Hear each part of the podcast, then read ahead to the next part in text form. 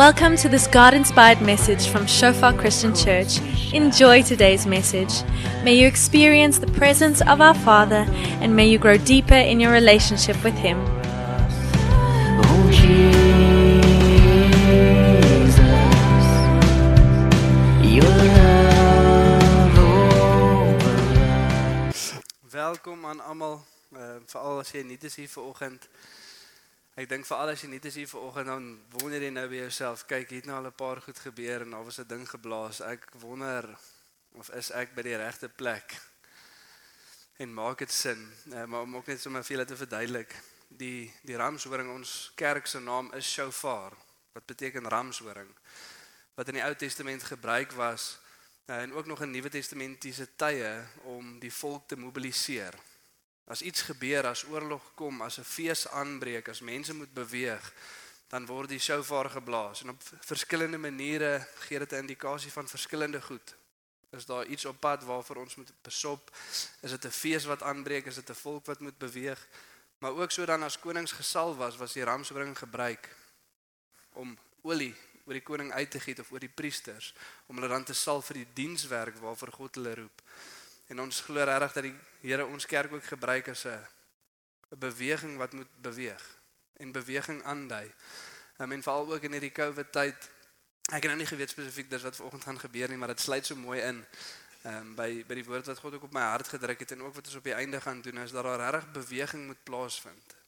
Lockdown het nou gebeur, COVID het gebeur en ons klomp goed wat gebeur het wat ons geforseer het of op 'n sekere manier laat dink het of op 'n sekere manier laat leef het, maar dit is tyd om intentioneel te sê Here ons beweeg. Ons as kerk ons beweeg uit. En een van die goed wat gebeur het in lockdown tyd of ons nou bewus was daarvan of nie, is dat die kerk ingeheel het sy arms klein bietjie toegemaak vir die wêreld daar buite. En eerstens nie omdat dit 'n hart probleem was nie. Dit was nie asof die kerk nie wil uitreik na die wêreld daar buite nie, maar daar was net soveel kapasiteit. En ewe skielik breek hierdie pandemie uit oor die wêreld en die kerk is geforseer om meer intentionele aandag te gee aan sy eie lidmate. Is julle met my? So die hande maak so. Nie oor 'n hart nie, maar oor kapasiteit. Ons het net soveel tyd, ons het net soveel resources om te gee vir die mense daar buite en ons eie mense kort dit eerste. By die liefde wat ons vir mekaar het, sal die wêreld weet om vir mekaar om te sien. Maar ongelukkig in daai tyd soos wat ons so gemaak het as gevolg van kapasiteit het party mense in hulle harte ook so gemaak. En party van ons weier net as die liggaam van Christus, maar ook so na onsself toe. Ek meen dink daaraan. Natuurlike instink van die mens soos wat ons deur hierdie pandemie beweeg is selfbehoud. Ek wil seker maak dat ek oukei okay is. Dat my familie voorgesorg is. Dis nie 'n slegte ding nie. Maar ten koste van die mense om ons is dit wel. En party van ons het so gemaak. Selfbehoud. Gemak. Ek wil seker maak dat vir my en my gesin daar genoeg is vir ons om gemaklik te wees waar ook al ons is vir so lank as moontlik. Sê dit met my. Iets wat gebeur het. En die Here vra vir ons as kerk om so weer te maak. Maak arms oop. En moenie laat vrees ons dryf nie. Sien een van die interessante goed. God sê in Matteus 6 vers 33 soek eers die koninkryk en sy geregtigheid en al hierdie ander goed sal bygevoeg word. Kos, klere, dit waar waar, waar ons onseker is, dit wat ons laat so gaan, selfbehoud laat toepas. En dan sê die skrif nogal 'n baie harde stelling en sê dit ongelowiges bekommer hulle self oor sulke goed. Besef gou dit vir oggend. As ons ver oggend hierso is en ons is konstant en al ons kapasiteit, al ons denke, al ons aandag word gesteel deur hierdie ding dat ons moet seker maak dat ons oukei okay is en ons oukei okay gaan wees. Dan sê die skrif ons dink soos ongelowiges.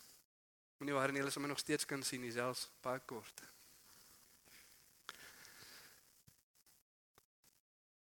Maar ongelowiges dink oor sulke goed. Ongelowiges bly wakker oor sulke goed en om ons denke terug te skuif na die God wat heers. The Lord God Almighty reigns. God is in beheer. Amen. Maar voordat ek nou 'n klein pre-sermon afsteek, kom ek bid vir ons dan kom ons by die regte preek van vanoggend uit. Ja Vader, dankie vir u goedheid. Dankie vir u guns, Here. Dankie dat ons hier saam kan wees, Here. Net weer eens besef, Vader, waarmee ons besig is, Here, wie ons nader, Here. En vanoggend, Here, kom bid ons teen 'n geestelike passiwiteit, Here. Ons kom bid teen selfbehoud, Here. Maak wysheid toe te pas in ons lewens, Here. Beteken nie ons moet alles vir almal gee nie, Here. Ons is nie gelei deur emosies nie. Veral die wêreld om ons, Here, wat so emosie gedrewe is, Here, en almal wat iets kort vir een of ander rede, Vader. Maar dankie Here dat ons deur die Gees gelei kan word. Wat ons doen, waar ons gee, waar ons ons tyd bestee. Dan mag ons intentioneel losbreek, Here, van 'n passiwiteit, Vader. Ek kom bid, Here, dat U vir elkeen wat vanoggend hierso is, 'n oortuiging sal gee, Here, van waar ons is, Vader. Of ons aktief besig is om te volg. Of ons U al ooit gevolg het. Of ons dalk passief is, Here. Geen intentionaliteit in ons verhouding met U, Here. Ons is nie seker waantoe U ons lei nie, Vader. Ons is nie seker wat U besig is om in te spreek nie, Here. Maar vanoggend kom maak ons onsself oop, Vader, en ons kom bid, Here, dat ons sal beweeg, Here. Soos dit ons die, die klank van die bassein hoor, Here. Dat iets in ons sal kom opwek en ons sal beweeg, Vader. Maar dankie Here dat ons ook weet Vader dat ons as mense is nie geroep Here om mense emosioneel op te sweep Here of iets te dryf Vader en dan seker te maak almal gaan nie Here. Maar soos ons in die skrif lees en elke persoon in wie die Here se hart geroer het en elke persoon in wie die Here se gees geroer het, hulle het gebring, gedoen, gekom, gebou. Dankie Here dat U besig is om die koninkryk te bou. Dankie Heilige Gees vir U teenwoordigheid. En dankie Jesus vir u offer op die kruis. In Jesus naam. Amen. So ons titel vir vanoggend is geroep en gestuur.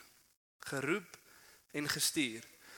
By Convergence laasweek waar die Shofar Internasionale Kerk bymekaar gekom het, was dit ook die tema gewees van die naweek, geroep en gestuur. En daar was spesifiek op die einde ook 'n roep gewees vir die mense wat voel dat hulle kerkplanters is, mense wat geroep is om 'n kerk te plant, om hulle hand op te steek en te sê hier is ons Here stuur ons. Ons wil gaan. En net gou voordat ons begin dalk as ek net daai vraag kan vra, daar waar jy sit in jou stoel vir oggend. As die idee by jou opkom, hier is 'n lys iewers en die opskrif is kerkplanters, mense wat 'n kerk wil gaan plant. Wie sal hulle naam gaan op opgee daarso? Jy hoef nie my te antwoord of jy hand op te steek. Ek dink dit gou by jouself. Wie oorweeg dit so half? Ek wonder wat behels dit nou nogal alles.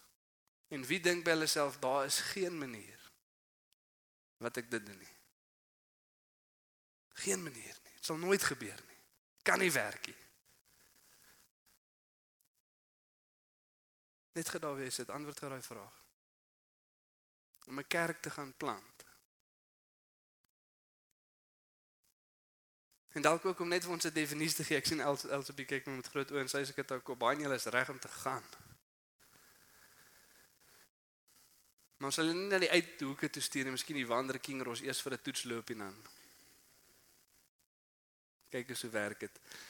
Maar net om 'n definisie te gee daaraan. Jy sien partykeer aan dink ons wat dit beteken om 'n kerk te plant, beteken om in die voltydse bediening te wees nie. Jy's nou op Ehm um, jy jy's beroep deur die kerk en jy's nou die titel as pastoor of wat ook al en jy moet nou gaan en preek en kom klomp mense. Dis nie wat kerkplant beteken nie. Dis om 'n herder van 'n kerk te wees, intentionele pad van disippelskap saam met mense te stap, ja, maar dis nie wat 'n kerkplanter is nie. sien wat is die kerk? Die kerk is nie 'n groep mense wat iewers 'n gebou kon hier en oulike branding opsit en 'n naam het en elke Sondag bymekaar kom. Dis nie die kerk nie. Dis wat die kerk doen partykeer, ja. Maar die kerk is 'n groep gelowiges wat bymekaar kom om die Here te dien. Dis dit. Hierdie kerk was geplant deur 'n groep kerkplanters. Kalwer agter sit is nog een van die enigste een van die original groep wat oor is wat nou net worship gelei het. Ingenieurs wat van Stellenbosch af gekom het, hiertoe gekom het, gebid het en geervaar het die Here sê dat met 'n kerk geplant word. En 'n groep gelowiges wat bymekaar gekom het intentioneel God begin dien het en die wêreld begin bereik het en hier sit ons vandag. So baie keer met ons aandag en ons idee van wat dit beteken om 'n kerk te plant ook net bietjie gedraai word. Sien as jy die vraag sal vra, sal jy 'n groep mense iewers een keer 'n week bymekaar kan kry? Dan klink dit 'n bietjie minder intimiderend, né? Nee? Om jouself te doen. Maar weer eens, dis 'n bietjie van die punt af, maar om terug te kom by die preek vanoggend, geroep en gestuur. Jy sien daar's ietsie wat in elkeen se lewe gebeur vanoggend is daar 'n roep en 'n stuur wat plaasvind. Vir party van ons vanoggend roep God jou vir die eerste keer na homself toe. Jy ken God nie, jy het God nog nooit gevolg nie. Jy is nie wedergebore nie. Daar was nog nooit nuwe lewe nie. En ons moet nooit verby daai punt spring nie.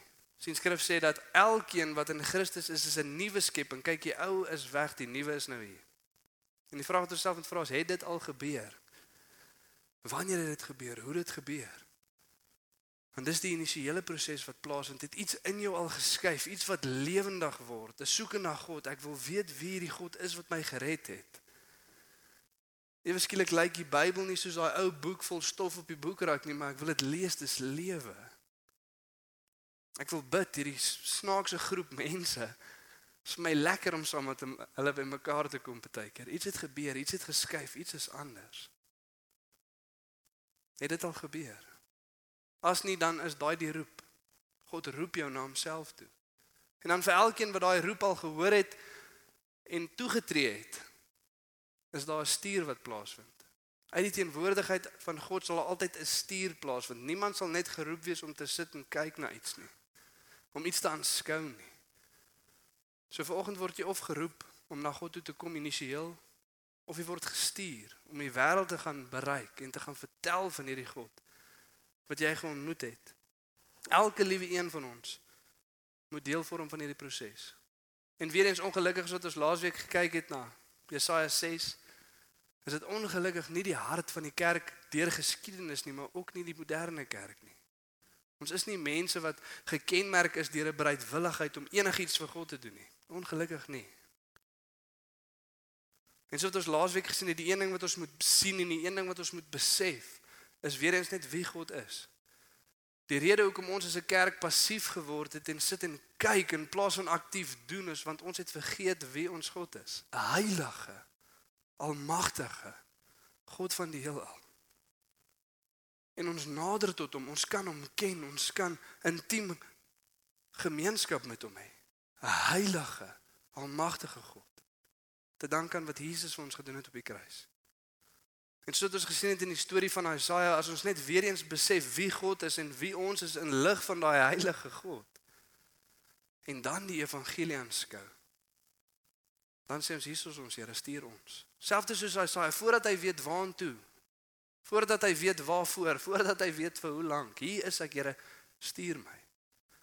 Want in lig van wie U is en in lig van wie ek is en wat U vir my kom doen het, hoe kan ek nee sê? Dis die een aspek. Die tweede aspek is weer 'n liefde vir mense, iets anders wat ons moet uitdring en ons gaan 'n bietjie daarna kyk vandag. Maar daar's twee intentionele goeder wat ons moet antwoord as dit kom by disippels maak in die wêreld bereik. Die een is hoekom? Hoekom sal ons dit wil doen? Né? Nee? Hoekom sal ons dit wil doen? Wat is dit wat ons dryf?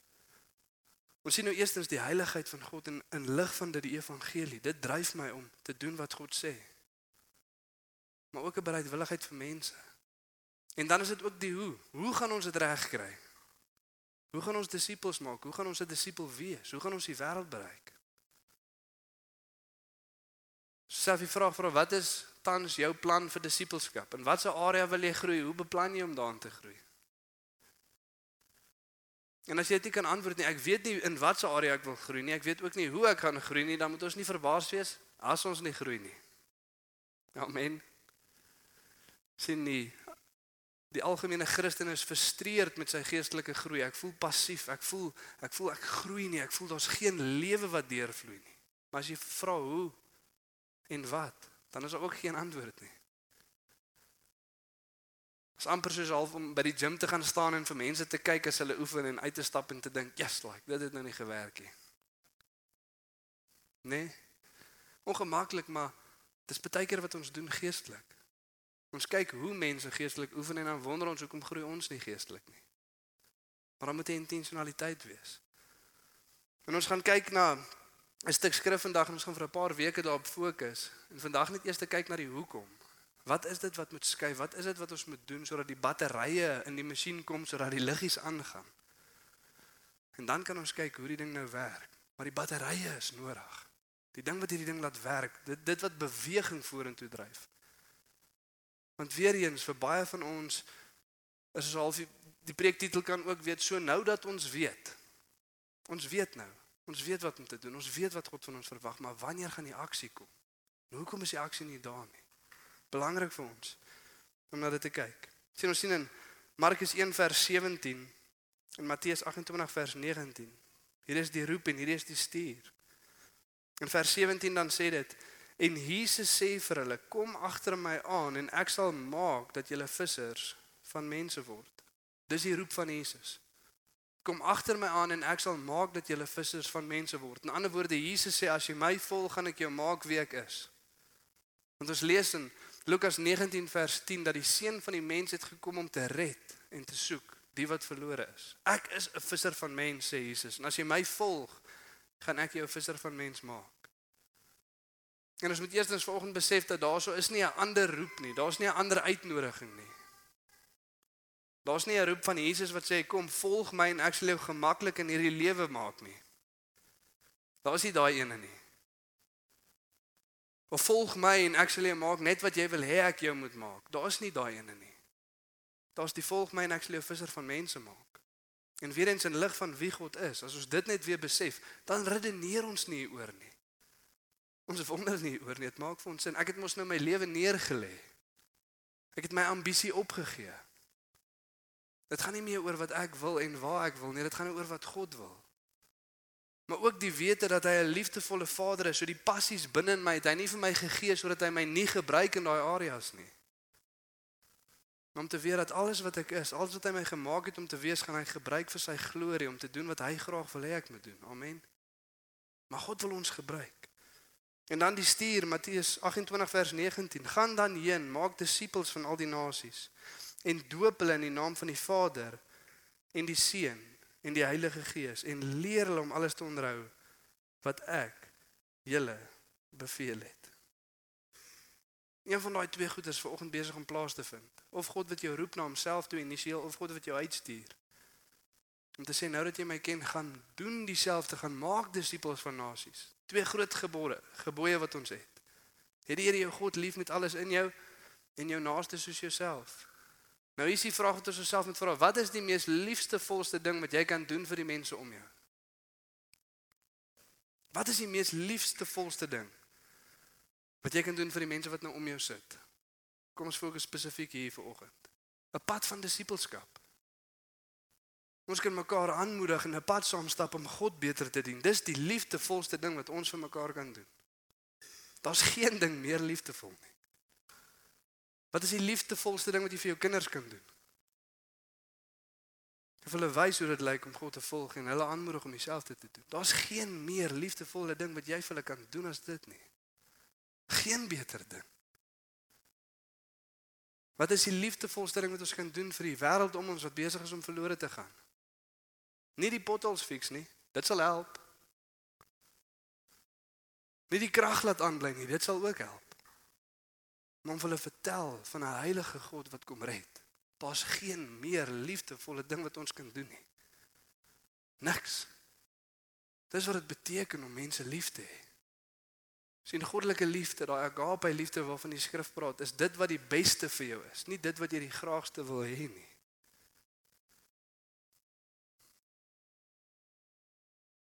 Ons kry baie keer daai tension, jy weet, sê jy ouma en oupa het, het klein kinders.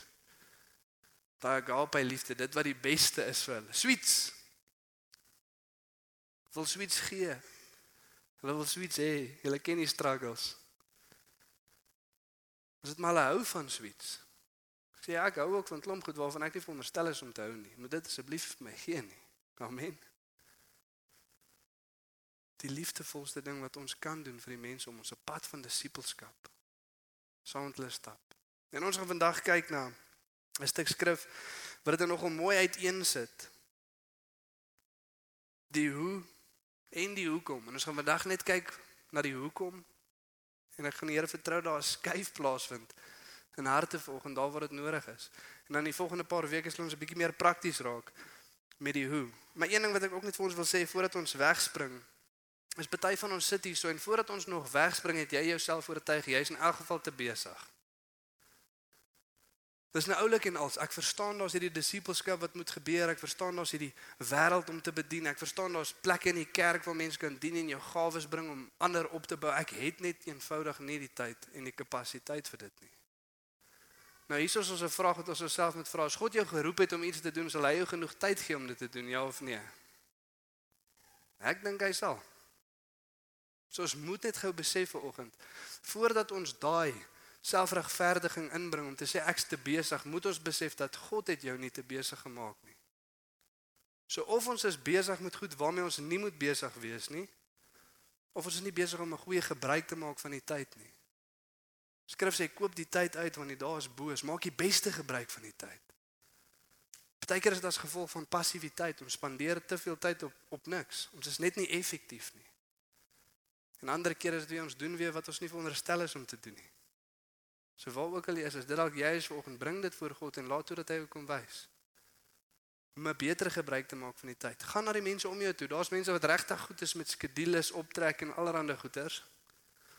Party van hulle bietjie te erg, jy sal dood wees in 'n week. Maar daar's 'n fyn balans wat jy ook kan vind met party mense. En vir party van ons is weer te besig met te veel goed.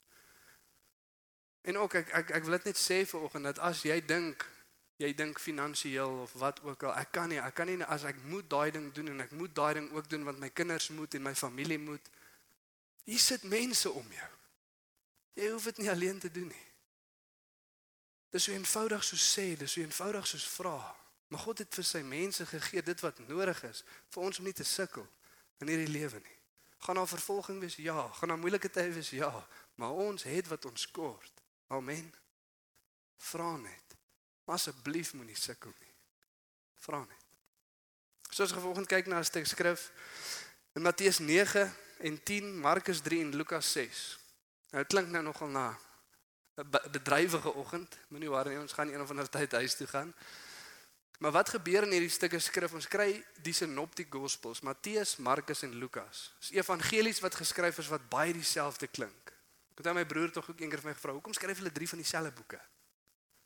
Al die ander boeke in die Bybel is verskillend. Nou kom die drie ouens skryf dieselfde ding.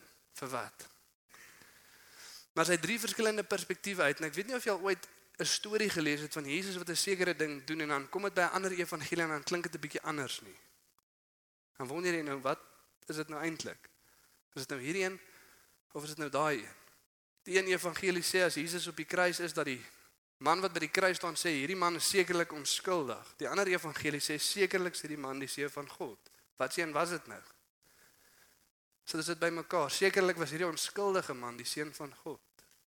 Dit las by mekaar aan. Dit kyk uit verskillende perspektiewe uit en fokus op sekere God wat God deur daai persoon wil uitlig in daai scenario. En as ons saam na dit kyk en kry ons 'n vol prentjie van dit wat gebeur. Ons gaan vanoggend nou dit doen. Sodat ons deur hierdie stuk skrif lees, gaan ons al daai stukke skrifte bymekaar sit en saam deur dieselfde storie lees en meer 'n holistiese prentjie kry van wat eintlik besig is om te gebeur. Dis wat teoloë noem the discipleship discourse. God wat verduidelik hoe disippelskap werk, van wat dit motiveer na hoe dit gebeur en hoe dit lyk. So kom ons lees lekker saam op die skerm op jou Bybel gaan jy bietjie sukkel want jy gaan rondblaas. Dit is nou nie die beste skerm daar vanoggend nie. Maar kom ons kyk wat ons kan doen. Matteus 9. Ons begin daarso en dan soos ons lees gaan daar verskillende stukke skrifte inkom, Markus en Lukas ook. En Jesus het by al die stede en dorpe rondgegaan en in hulle sinagoges geleer en die evangelie van die koninkryk verkondig en elke siekte en elke kwaal onder die volk genees. En toe hy die skare sien, het hy hulle innig jammer gevoel vir hulle omdat hulle moeg en uitgeput was, so skape wat geen herder het nie. Toe sê hy vir sy disippels: "Die oes is wel groot, maar die arbeiders min. Bid dan die Here van die oes dat hy arbeiders in sy oes mag uitstuur. Lukas 6. En hy het in daardie dae uitgegaan na die berg om te bid en die nag in die gebed tot God deurgebring. Markus 3. En na hom geroep die wat hy wou hê en hulle het na hom gekom. En hy het 12 aangestel sodat hulle saam met hom kon wees en hy hulle kon uitstuur om te preek en magte hê om siektes te genees en die duiwels uit te dryf. Lukas 6 en toe dit dag geword het, het hy sy disippels naam geroep en 12 van hulle uitgekies wat hy apostels genoem het. Simon wat hy Petrus genoem het en Andreas sy broer, Jakobus en Johannes, Filippus en Bartolomeus, Matteus en Thomas, Jakobus die seun van Alfeus en Simon wat 'n ywerhaar genoem word. Judas die seun van Jakobus en Judas Iskariot wat die verraaier geword het. En hy het met hulle afgeklim en op 'n gelyke plek gestaan en daar was 'n skare van sy disippels en 'n groot menigte van die volk van die hele Judea en Jerusalem en die kusstreek van Tyrus en Sidon af wat gekom het om hom te hoor en van hulle kwale genees te word en die wat gekwel was deur onrein geeste is ook genees. Mooi stuk skrif. En nou sien ons hoe daai stories so mooi in mekaar invou dat dit klink asof ons lees uit een stuk uit. Maar dis die gebeurtenisse wat volg en baie keer as dit nie by mekaar sit nie, dan mis ons half die hele prentjie van disippelskap sien as ons net fokus op Matteus 9 en 10. Matteus is die persoon wat soos wat hy die evangelie skryf, dit die meeste topical skryf, dieselfde onderwerpe bymekaar. Markus fokus al op vinnige gebeurtenisse wat afspeel, maar Lukas is die mees kronologiese van al die evangelies. Hulle verskil so bietjie. Maar as ons dit saamstel dan kry ons daai mooi prentjie, want baie keer dan lees ons net Matteus 9 en 10 en ons wil disippelskap vorm rondom dit en ons sien dat Jesus het gesien daarso is iets wat moet gebeur. Hy het vir sy disippels gesê hulle moet iets doen en toe stuur hy hulle om dit te doen. En dis baie keer wat ons ook doen. Hy iets moet gebeur, wil jy dit doen? Okay, go. Geniet dit. Kom ons kyk of jy swem. Waar gaan jy? Ons het dit ook al gedoen en gelukkig het meeste mense geswem. Maar as jy die hele prentjie sien, dan sien jy dat Jesus sien iets wat moet gebeur en hy stel elke keer die voorbeeld. Hy doen dit eers self. En dan roep hy sy disippels. Dan sê hy vir hulle wat van hulle verwag word, dan wys hy hulle hoe dit gaan gebeur. Dan stuur hy hulle uit en dan ondersteun hy hulle soos wat hulle dit doen. Die proses van disippelskap. Maar om vanoggend net weer eens te fokus op die hoe, hoekom. sien jy hierso in Matteus 9:35 tot 37. En Jesus het by al die stede en dorpe rondgegaan en in hulle sinagoges geleer en die evangelie van die koninkryk verkondig en elke siekte en elke kwaal onder die volk genees. En toe hy die skare sien. Toe hy die skare sien het hy innig jammer gevoel vir hulle omdat hulle moeg en uitgeput was so skape wat geen herder het nie. Toe sê hy vir sy disippels die oes is wel groot maar die arbeiders min. Dis hoekom. Dis wat die hele ding begin. Dis wat dit in beweging sit. Ek hou van wat die engel sê dit sê and he was moved with compassion. Hy was gebeweeg geweest deur 'n innige meegevoel. Wat is dit wat Jesus laat 'n aand op die berg spandeer om te bid tot sy Vader? 'n Beweging want hy's lief vir die mense wat hy sien. Jy sien in ongelukkig in ons kultuur en konteks werk dit anders. Die eerste ding wat ons osself moet vra is as ons kyk na die wêreld om ons en die gebrokenheid om ons, wat sien ons?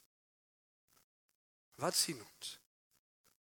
Want hierdie is min keer die reaksie. Die reaksie is min keer 'n innige meegevoel. Die reaksie is meeste keer iemand wat ontsteld of kwaad raak. Want kyk nou weer, lyk die wêreld. En die rede vir dit is selfbout. Hoekom? Want die gebrokenheid van die wêreld om my affekteer my gerief en my gemak. Hoe durf hulle? Terwyl Jesus uit die hemel uit kom om te sterf vir die mense waarvoor hy lief is. Dis 'n bietjie meer ongerieflik. Dis 'n bietjie meer ongemaklik. En iets wat ons as kerk moet besef vandag is ons na mense kyk en ons sien 'n spesifieke optrede, ons sien selfsug, ons sien korrupsie, wat ook al die geval is.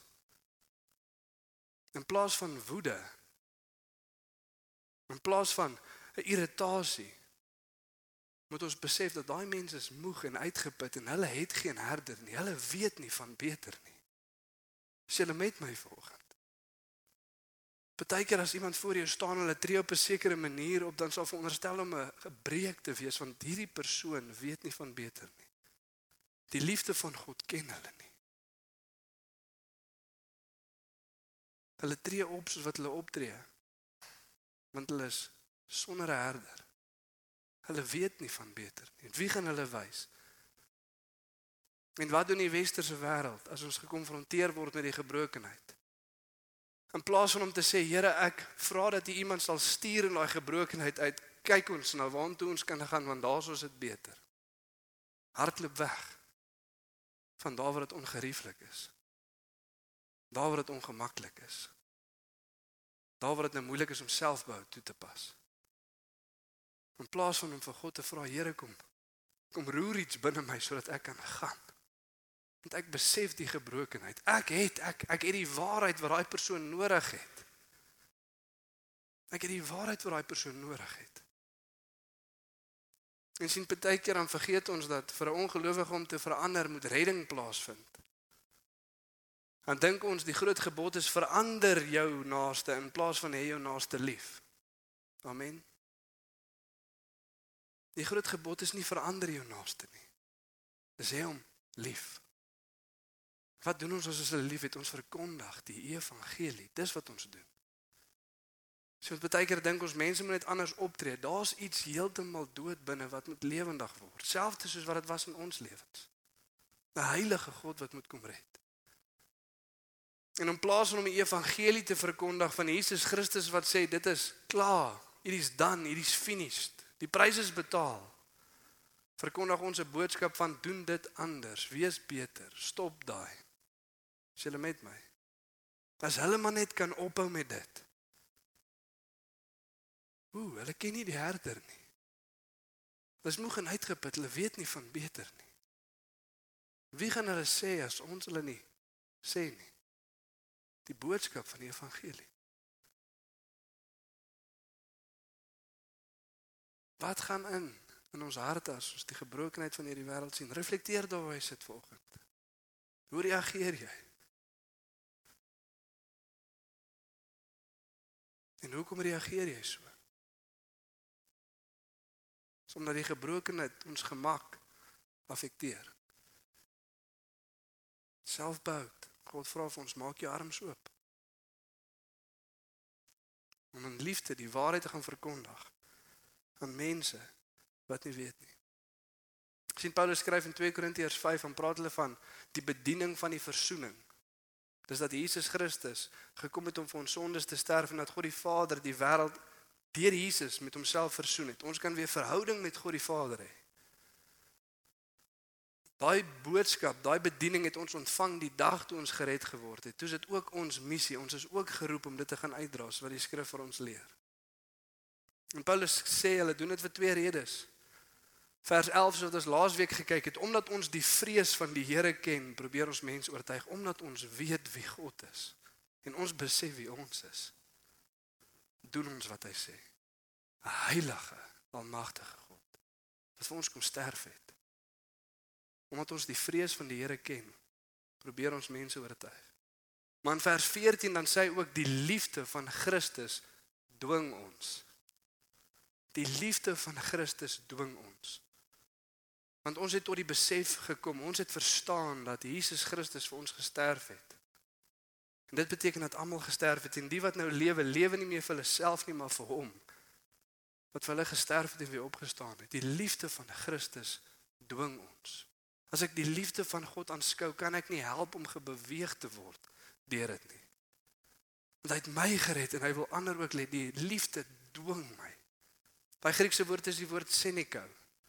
Dit beteken to suddenly and forcibly take hold of. Het die liefde van God jou ewe skielik al gegryp en in 'n rigting gedruk. Ek weet nie of jy al iewers in gebed was of in lofprysing was en dan breek iets net. Asof die liefde van Christus jou kom wakker skud en maak nie saak wat hier aangaan nie, God wys jou iets heeltemal anders. Die gebrokenheid van hierdie wêreld nie ewesklik breek jou hart nie.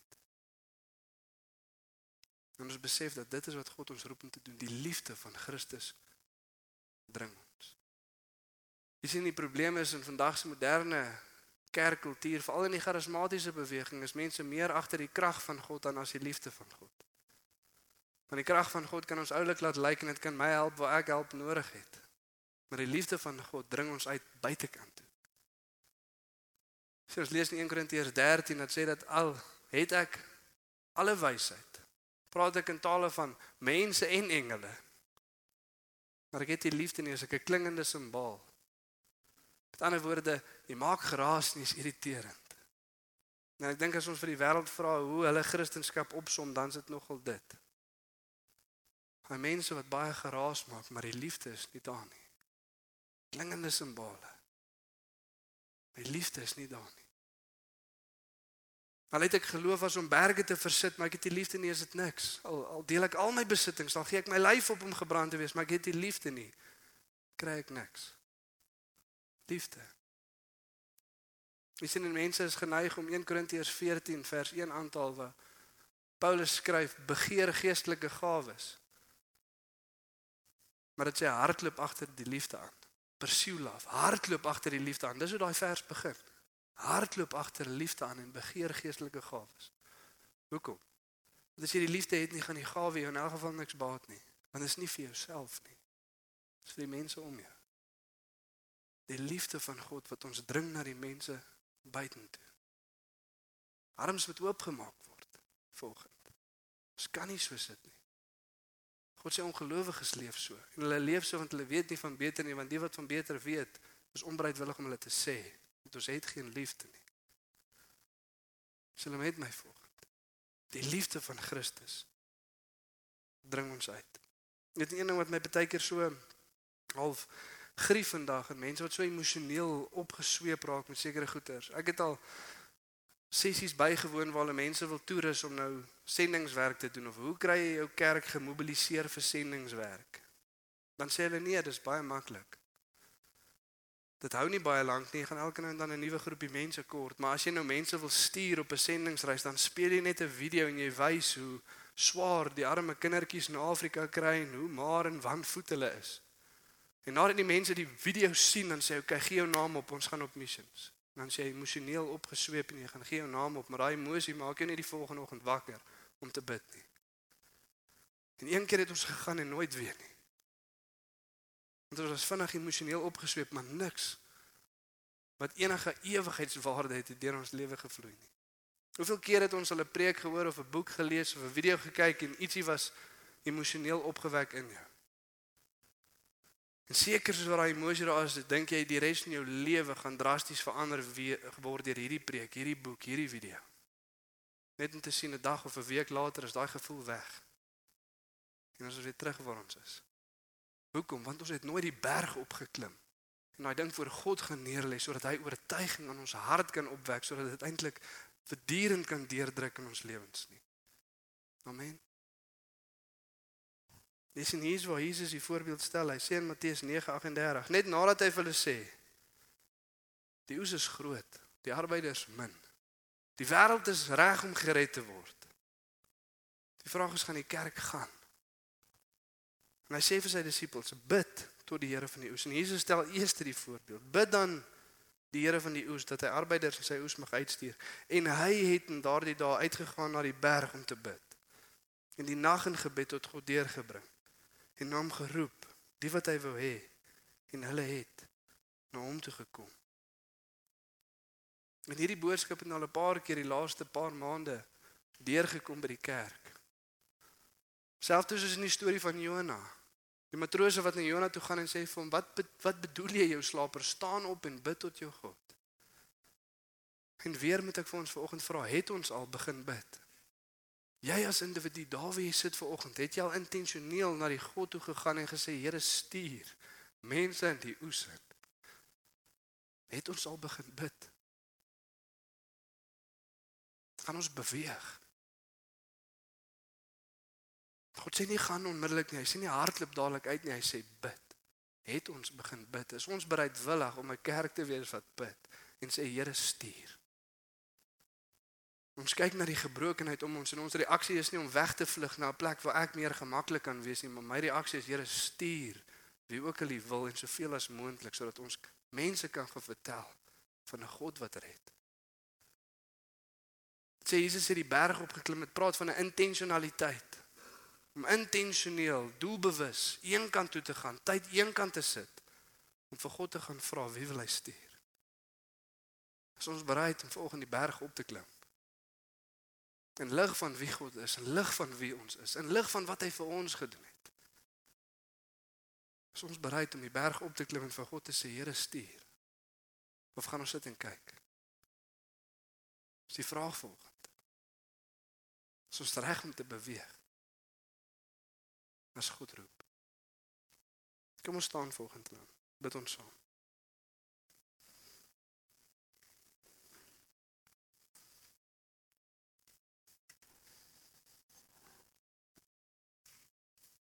En weer eens vir party van ons is God besig om jou initieel na homself toe te roep. Jy het nog nooit oorgegee aan God nie, jy het nog nooit tot hom genader nie. God roep jou vandag nader tot hom. En verander van ons is God weer besig om uit te stuur. Om te sê maak oop jou arms. Kyk na die mense om jou. Sien die waarheid is dat as ons nie gereeld die saligheid van ander in ag neem nie, dan moet ons ons eie saligheid in ag neem. Van 'n bestaande dalk nie. Dis wat God ons roep om te doen. Amen. Ja Vader, dankie Here dat ons as kerk voor U kan kom staan vanoggend, Here. En in lig van Vader, alles wat gebeur het Here die laaste paar jaar, Vader, verstaan ons ja Here, omstandighede, goed wat gebeur, goed wat afspeel. En vir 'n ruk lank Here het ons arms toegegaan, Vader, maar nie oor 'n hartsposisie nie, Vader, maar eenvoudig oor kapasiteit.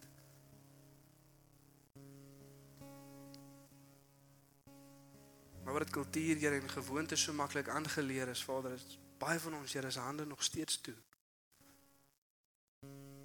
Van ons volgende Here se harte selfs meer toe gegaan, Here. Nie net gaan ek nie omgee oor die wêreld daar buite nie, inteendeel, hulle frustreer my en hulle irriteer my want dit maak lewe vir my ongerieflik, vir my ongemaklik, vir my onseker. Maar selfs verder as dit Here verby die familie van gelowiges. Geen intentionaliteit hier om met enigiemand anders se lewe in te bestee. Daar wil dit te wees nie. Want ek kyk gou net na myself. Ja Vader, vanoggend erken ons Here dat dit is nie hoe U ons geroep het om te lewe nie. Maar o gelig na buite. En dankie Here dat U vanoggend is besig is om in harte te werk, Vader. En ek kom bid Here dat dit meer sal wees as 'n emosie wat vir 'n paar minute hou. Maar dat U vir ons oortuiging sal kom gee, Vader, van wat U ons roep om te doen in lig van wie U is. Die heilige God van die heelal. Wat sy lewe vir ons kom neerlê, sodat as ons in sy teenwoordigheid ingaan, ons nie sterf nie. Amazing love, how can it be? that you my king would die for me. Hoe is dit moontlik, Here? En in lig van dit, Here, en in lig van die gebrokenheid van hierdie wêreld, Vader, hoe kan ons eenvoudig net staan en kyk? En nie net staan en kyk nie, Here, maar ons soos wat ons staan en kyk, Here, skud ons ons kop en dink, weet hulle nie van beter nie? En die antwoord is nee, hulle doen nie. Want die wat die waarheid vashou, is onbereidwillig om te beweeg. Volgende kom bid ons Here dat U ons sal skuif, Here. Mag die liefde van Christus ons kom gryp volgende, Here. Ek kom bid vir elke persoon wat U nie ken volgende, Here. Die in hierdie gebou. Die liefde Vader in hulle geopenbaar sal word, Vader, in die heiligheid ook.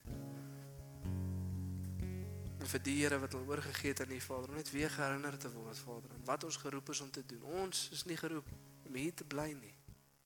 Ons lewe vir 'n ander land.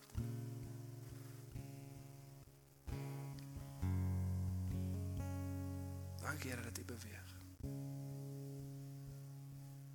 Ek het ons 'n ruk vra om uit te beweeg, 'n stap van aksie te vat. Ons het vanoggend gesien het die trompette is geblaas, die Here wil hê ons moet skuif. Ek wil nie hê ons moet saam met enigiemand bid nie. Ek wil nie hê jy met jou hand opsteek en iemand na jou toe kom nie, maar ek wil hê ons moet 'n tree vorentoe vat om uit te beweeg daar waar ons staan, vorentoe te beweeg. Jy kan na die verhoog toe kom, jy kan na die kante toe stap, maar net 'n net 'n tree gee, net beweging gee. As jy een vanoggend na God toe tree en sê Here, ek hoor die roepstem, ek tree weer nader. Hier's ek, Here. Of as jy vanoggend sê Here, ek Ek hoor Vader, is tyd vir my om weer die berg op te klim, om intentioneel tyd in gebed saam met U te spandeer, Vader, sodat U kan stuur, Here, in die oesvelde. En party van ons, ons weet wie God wil hê ons moet bereik. Sit met daai familielede, daai mense by die werk, ons moet net daai tree gee om intentioneel te wees rondom die evangelie deel met die mense om ons. So vir watter ook al rede dit is, Kom ons beweeg volgende. Ek gaan tot by 3 tel, beweeg of dit nou vorentoe is na die verhoogte, kant toe is na jou stoel toe. Maar kom ons beweeg in 3, 2, 1. Kom ons beweeg. Soos wat jy uitbeweeg, kan jy daar so staan en net bid tot die Here en sê hier is hy, Here. Stuur, Here. Red beweeg.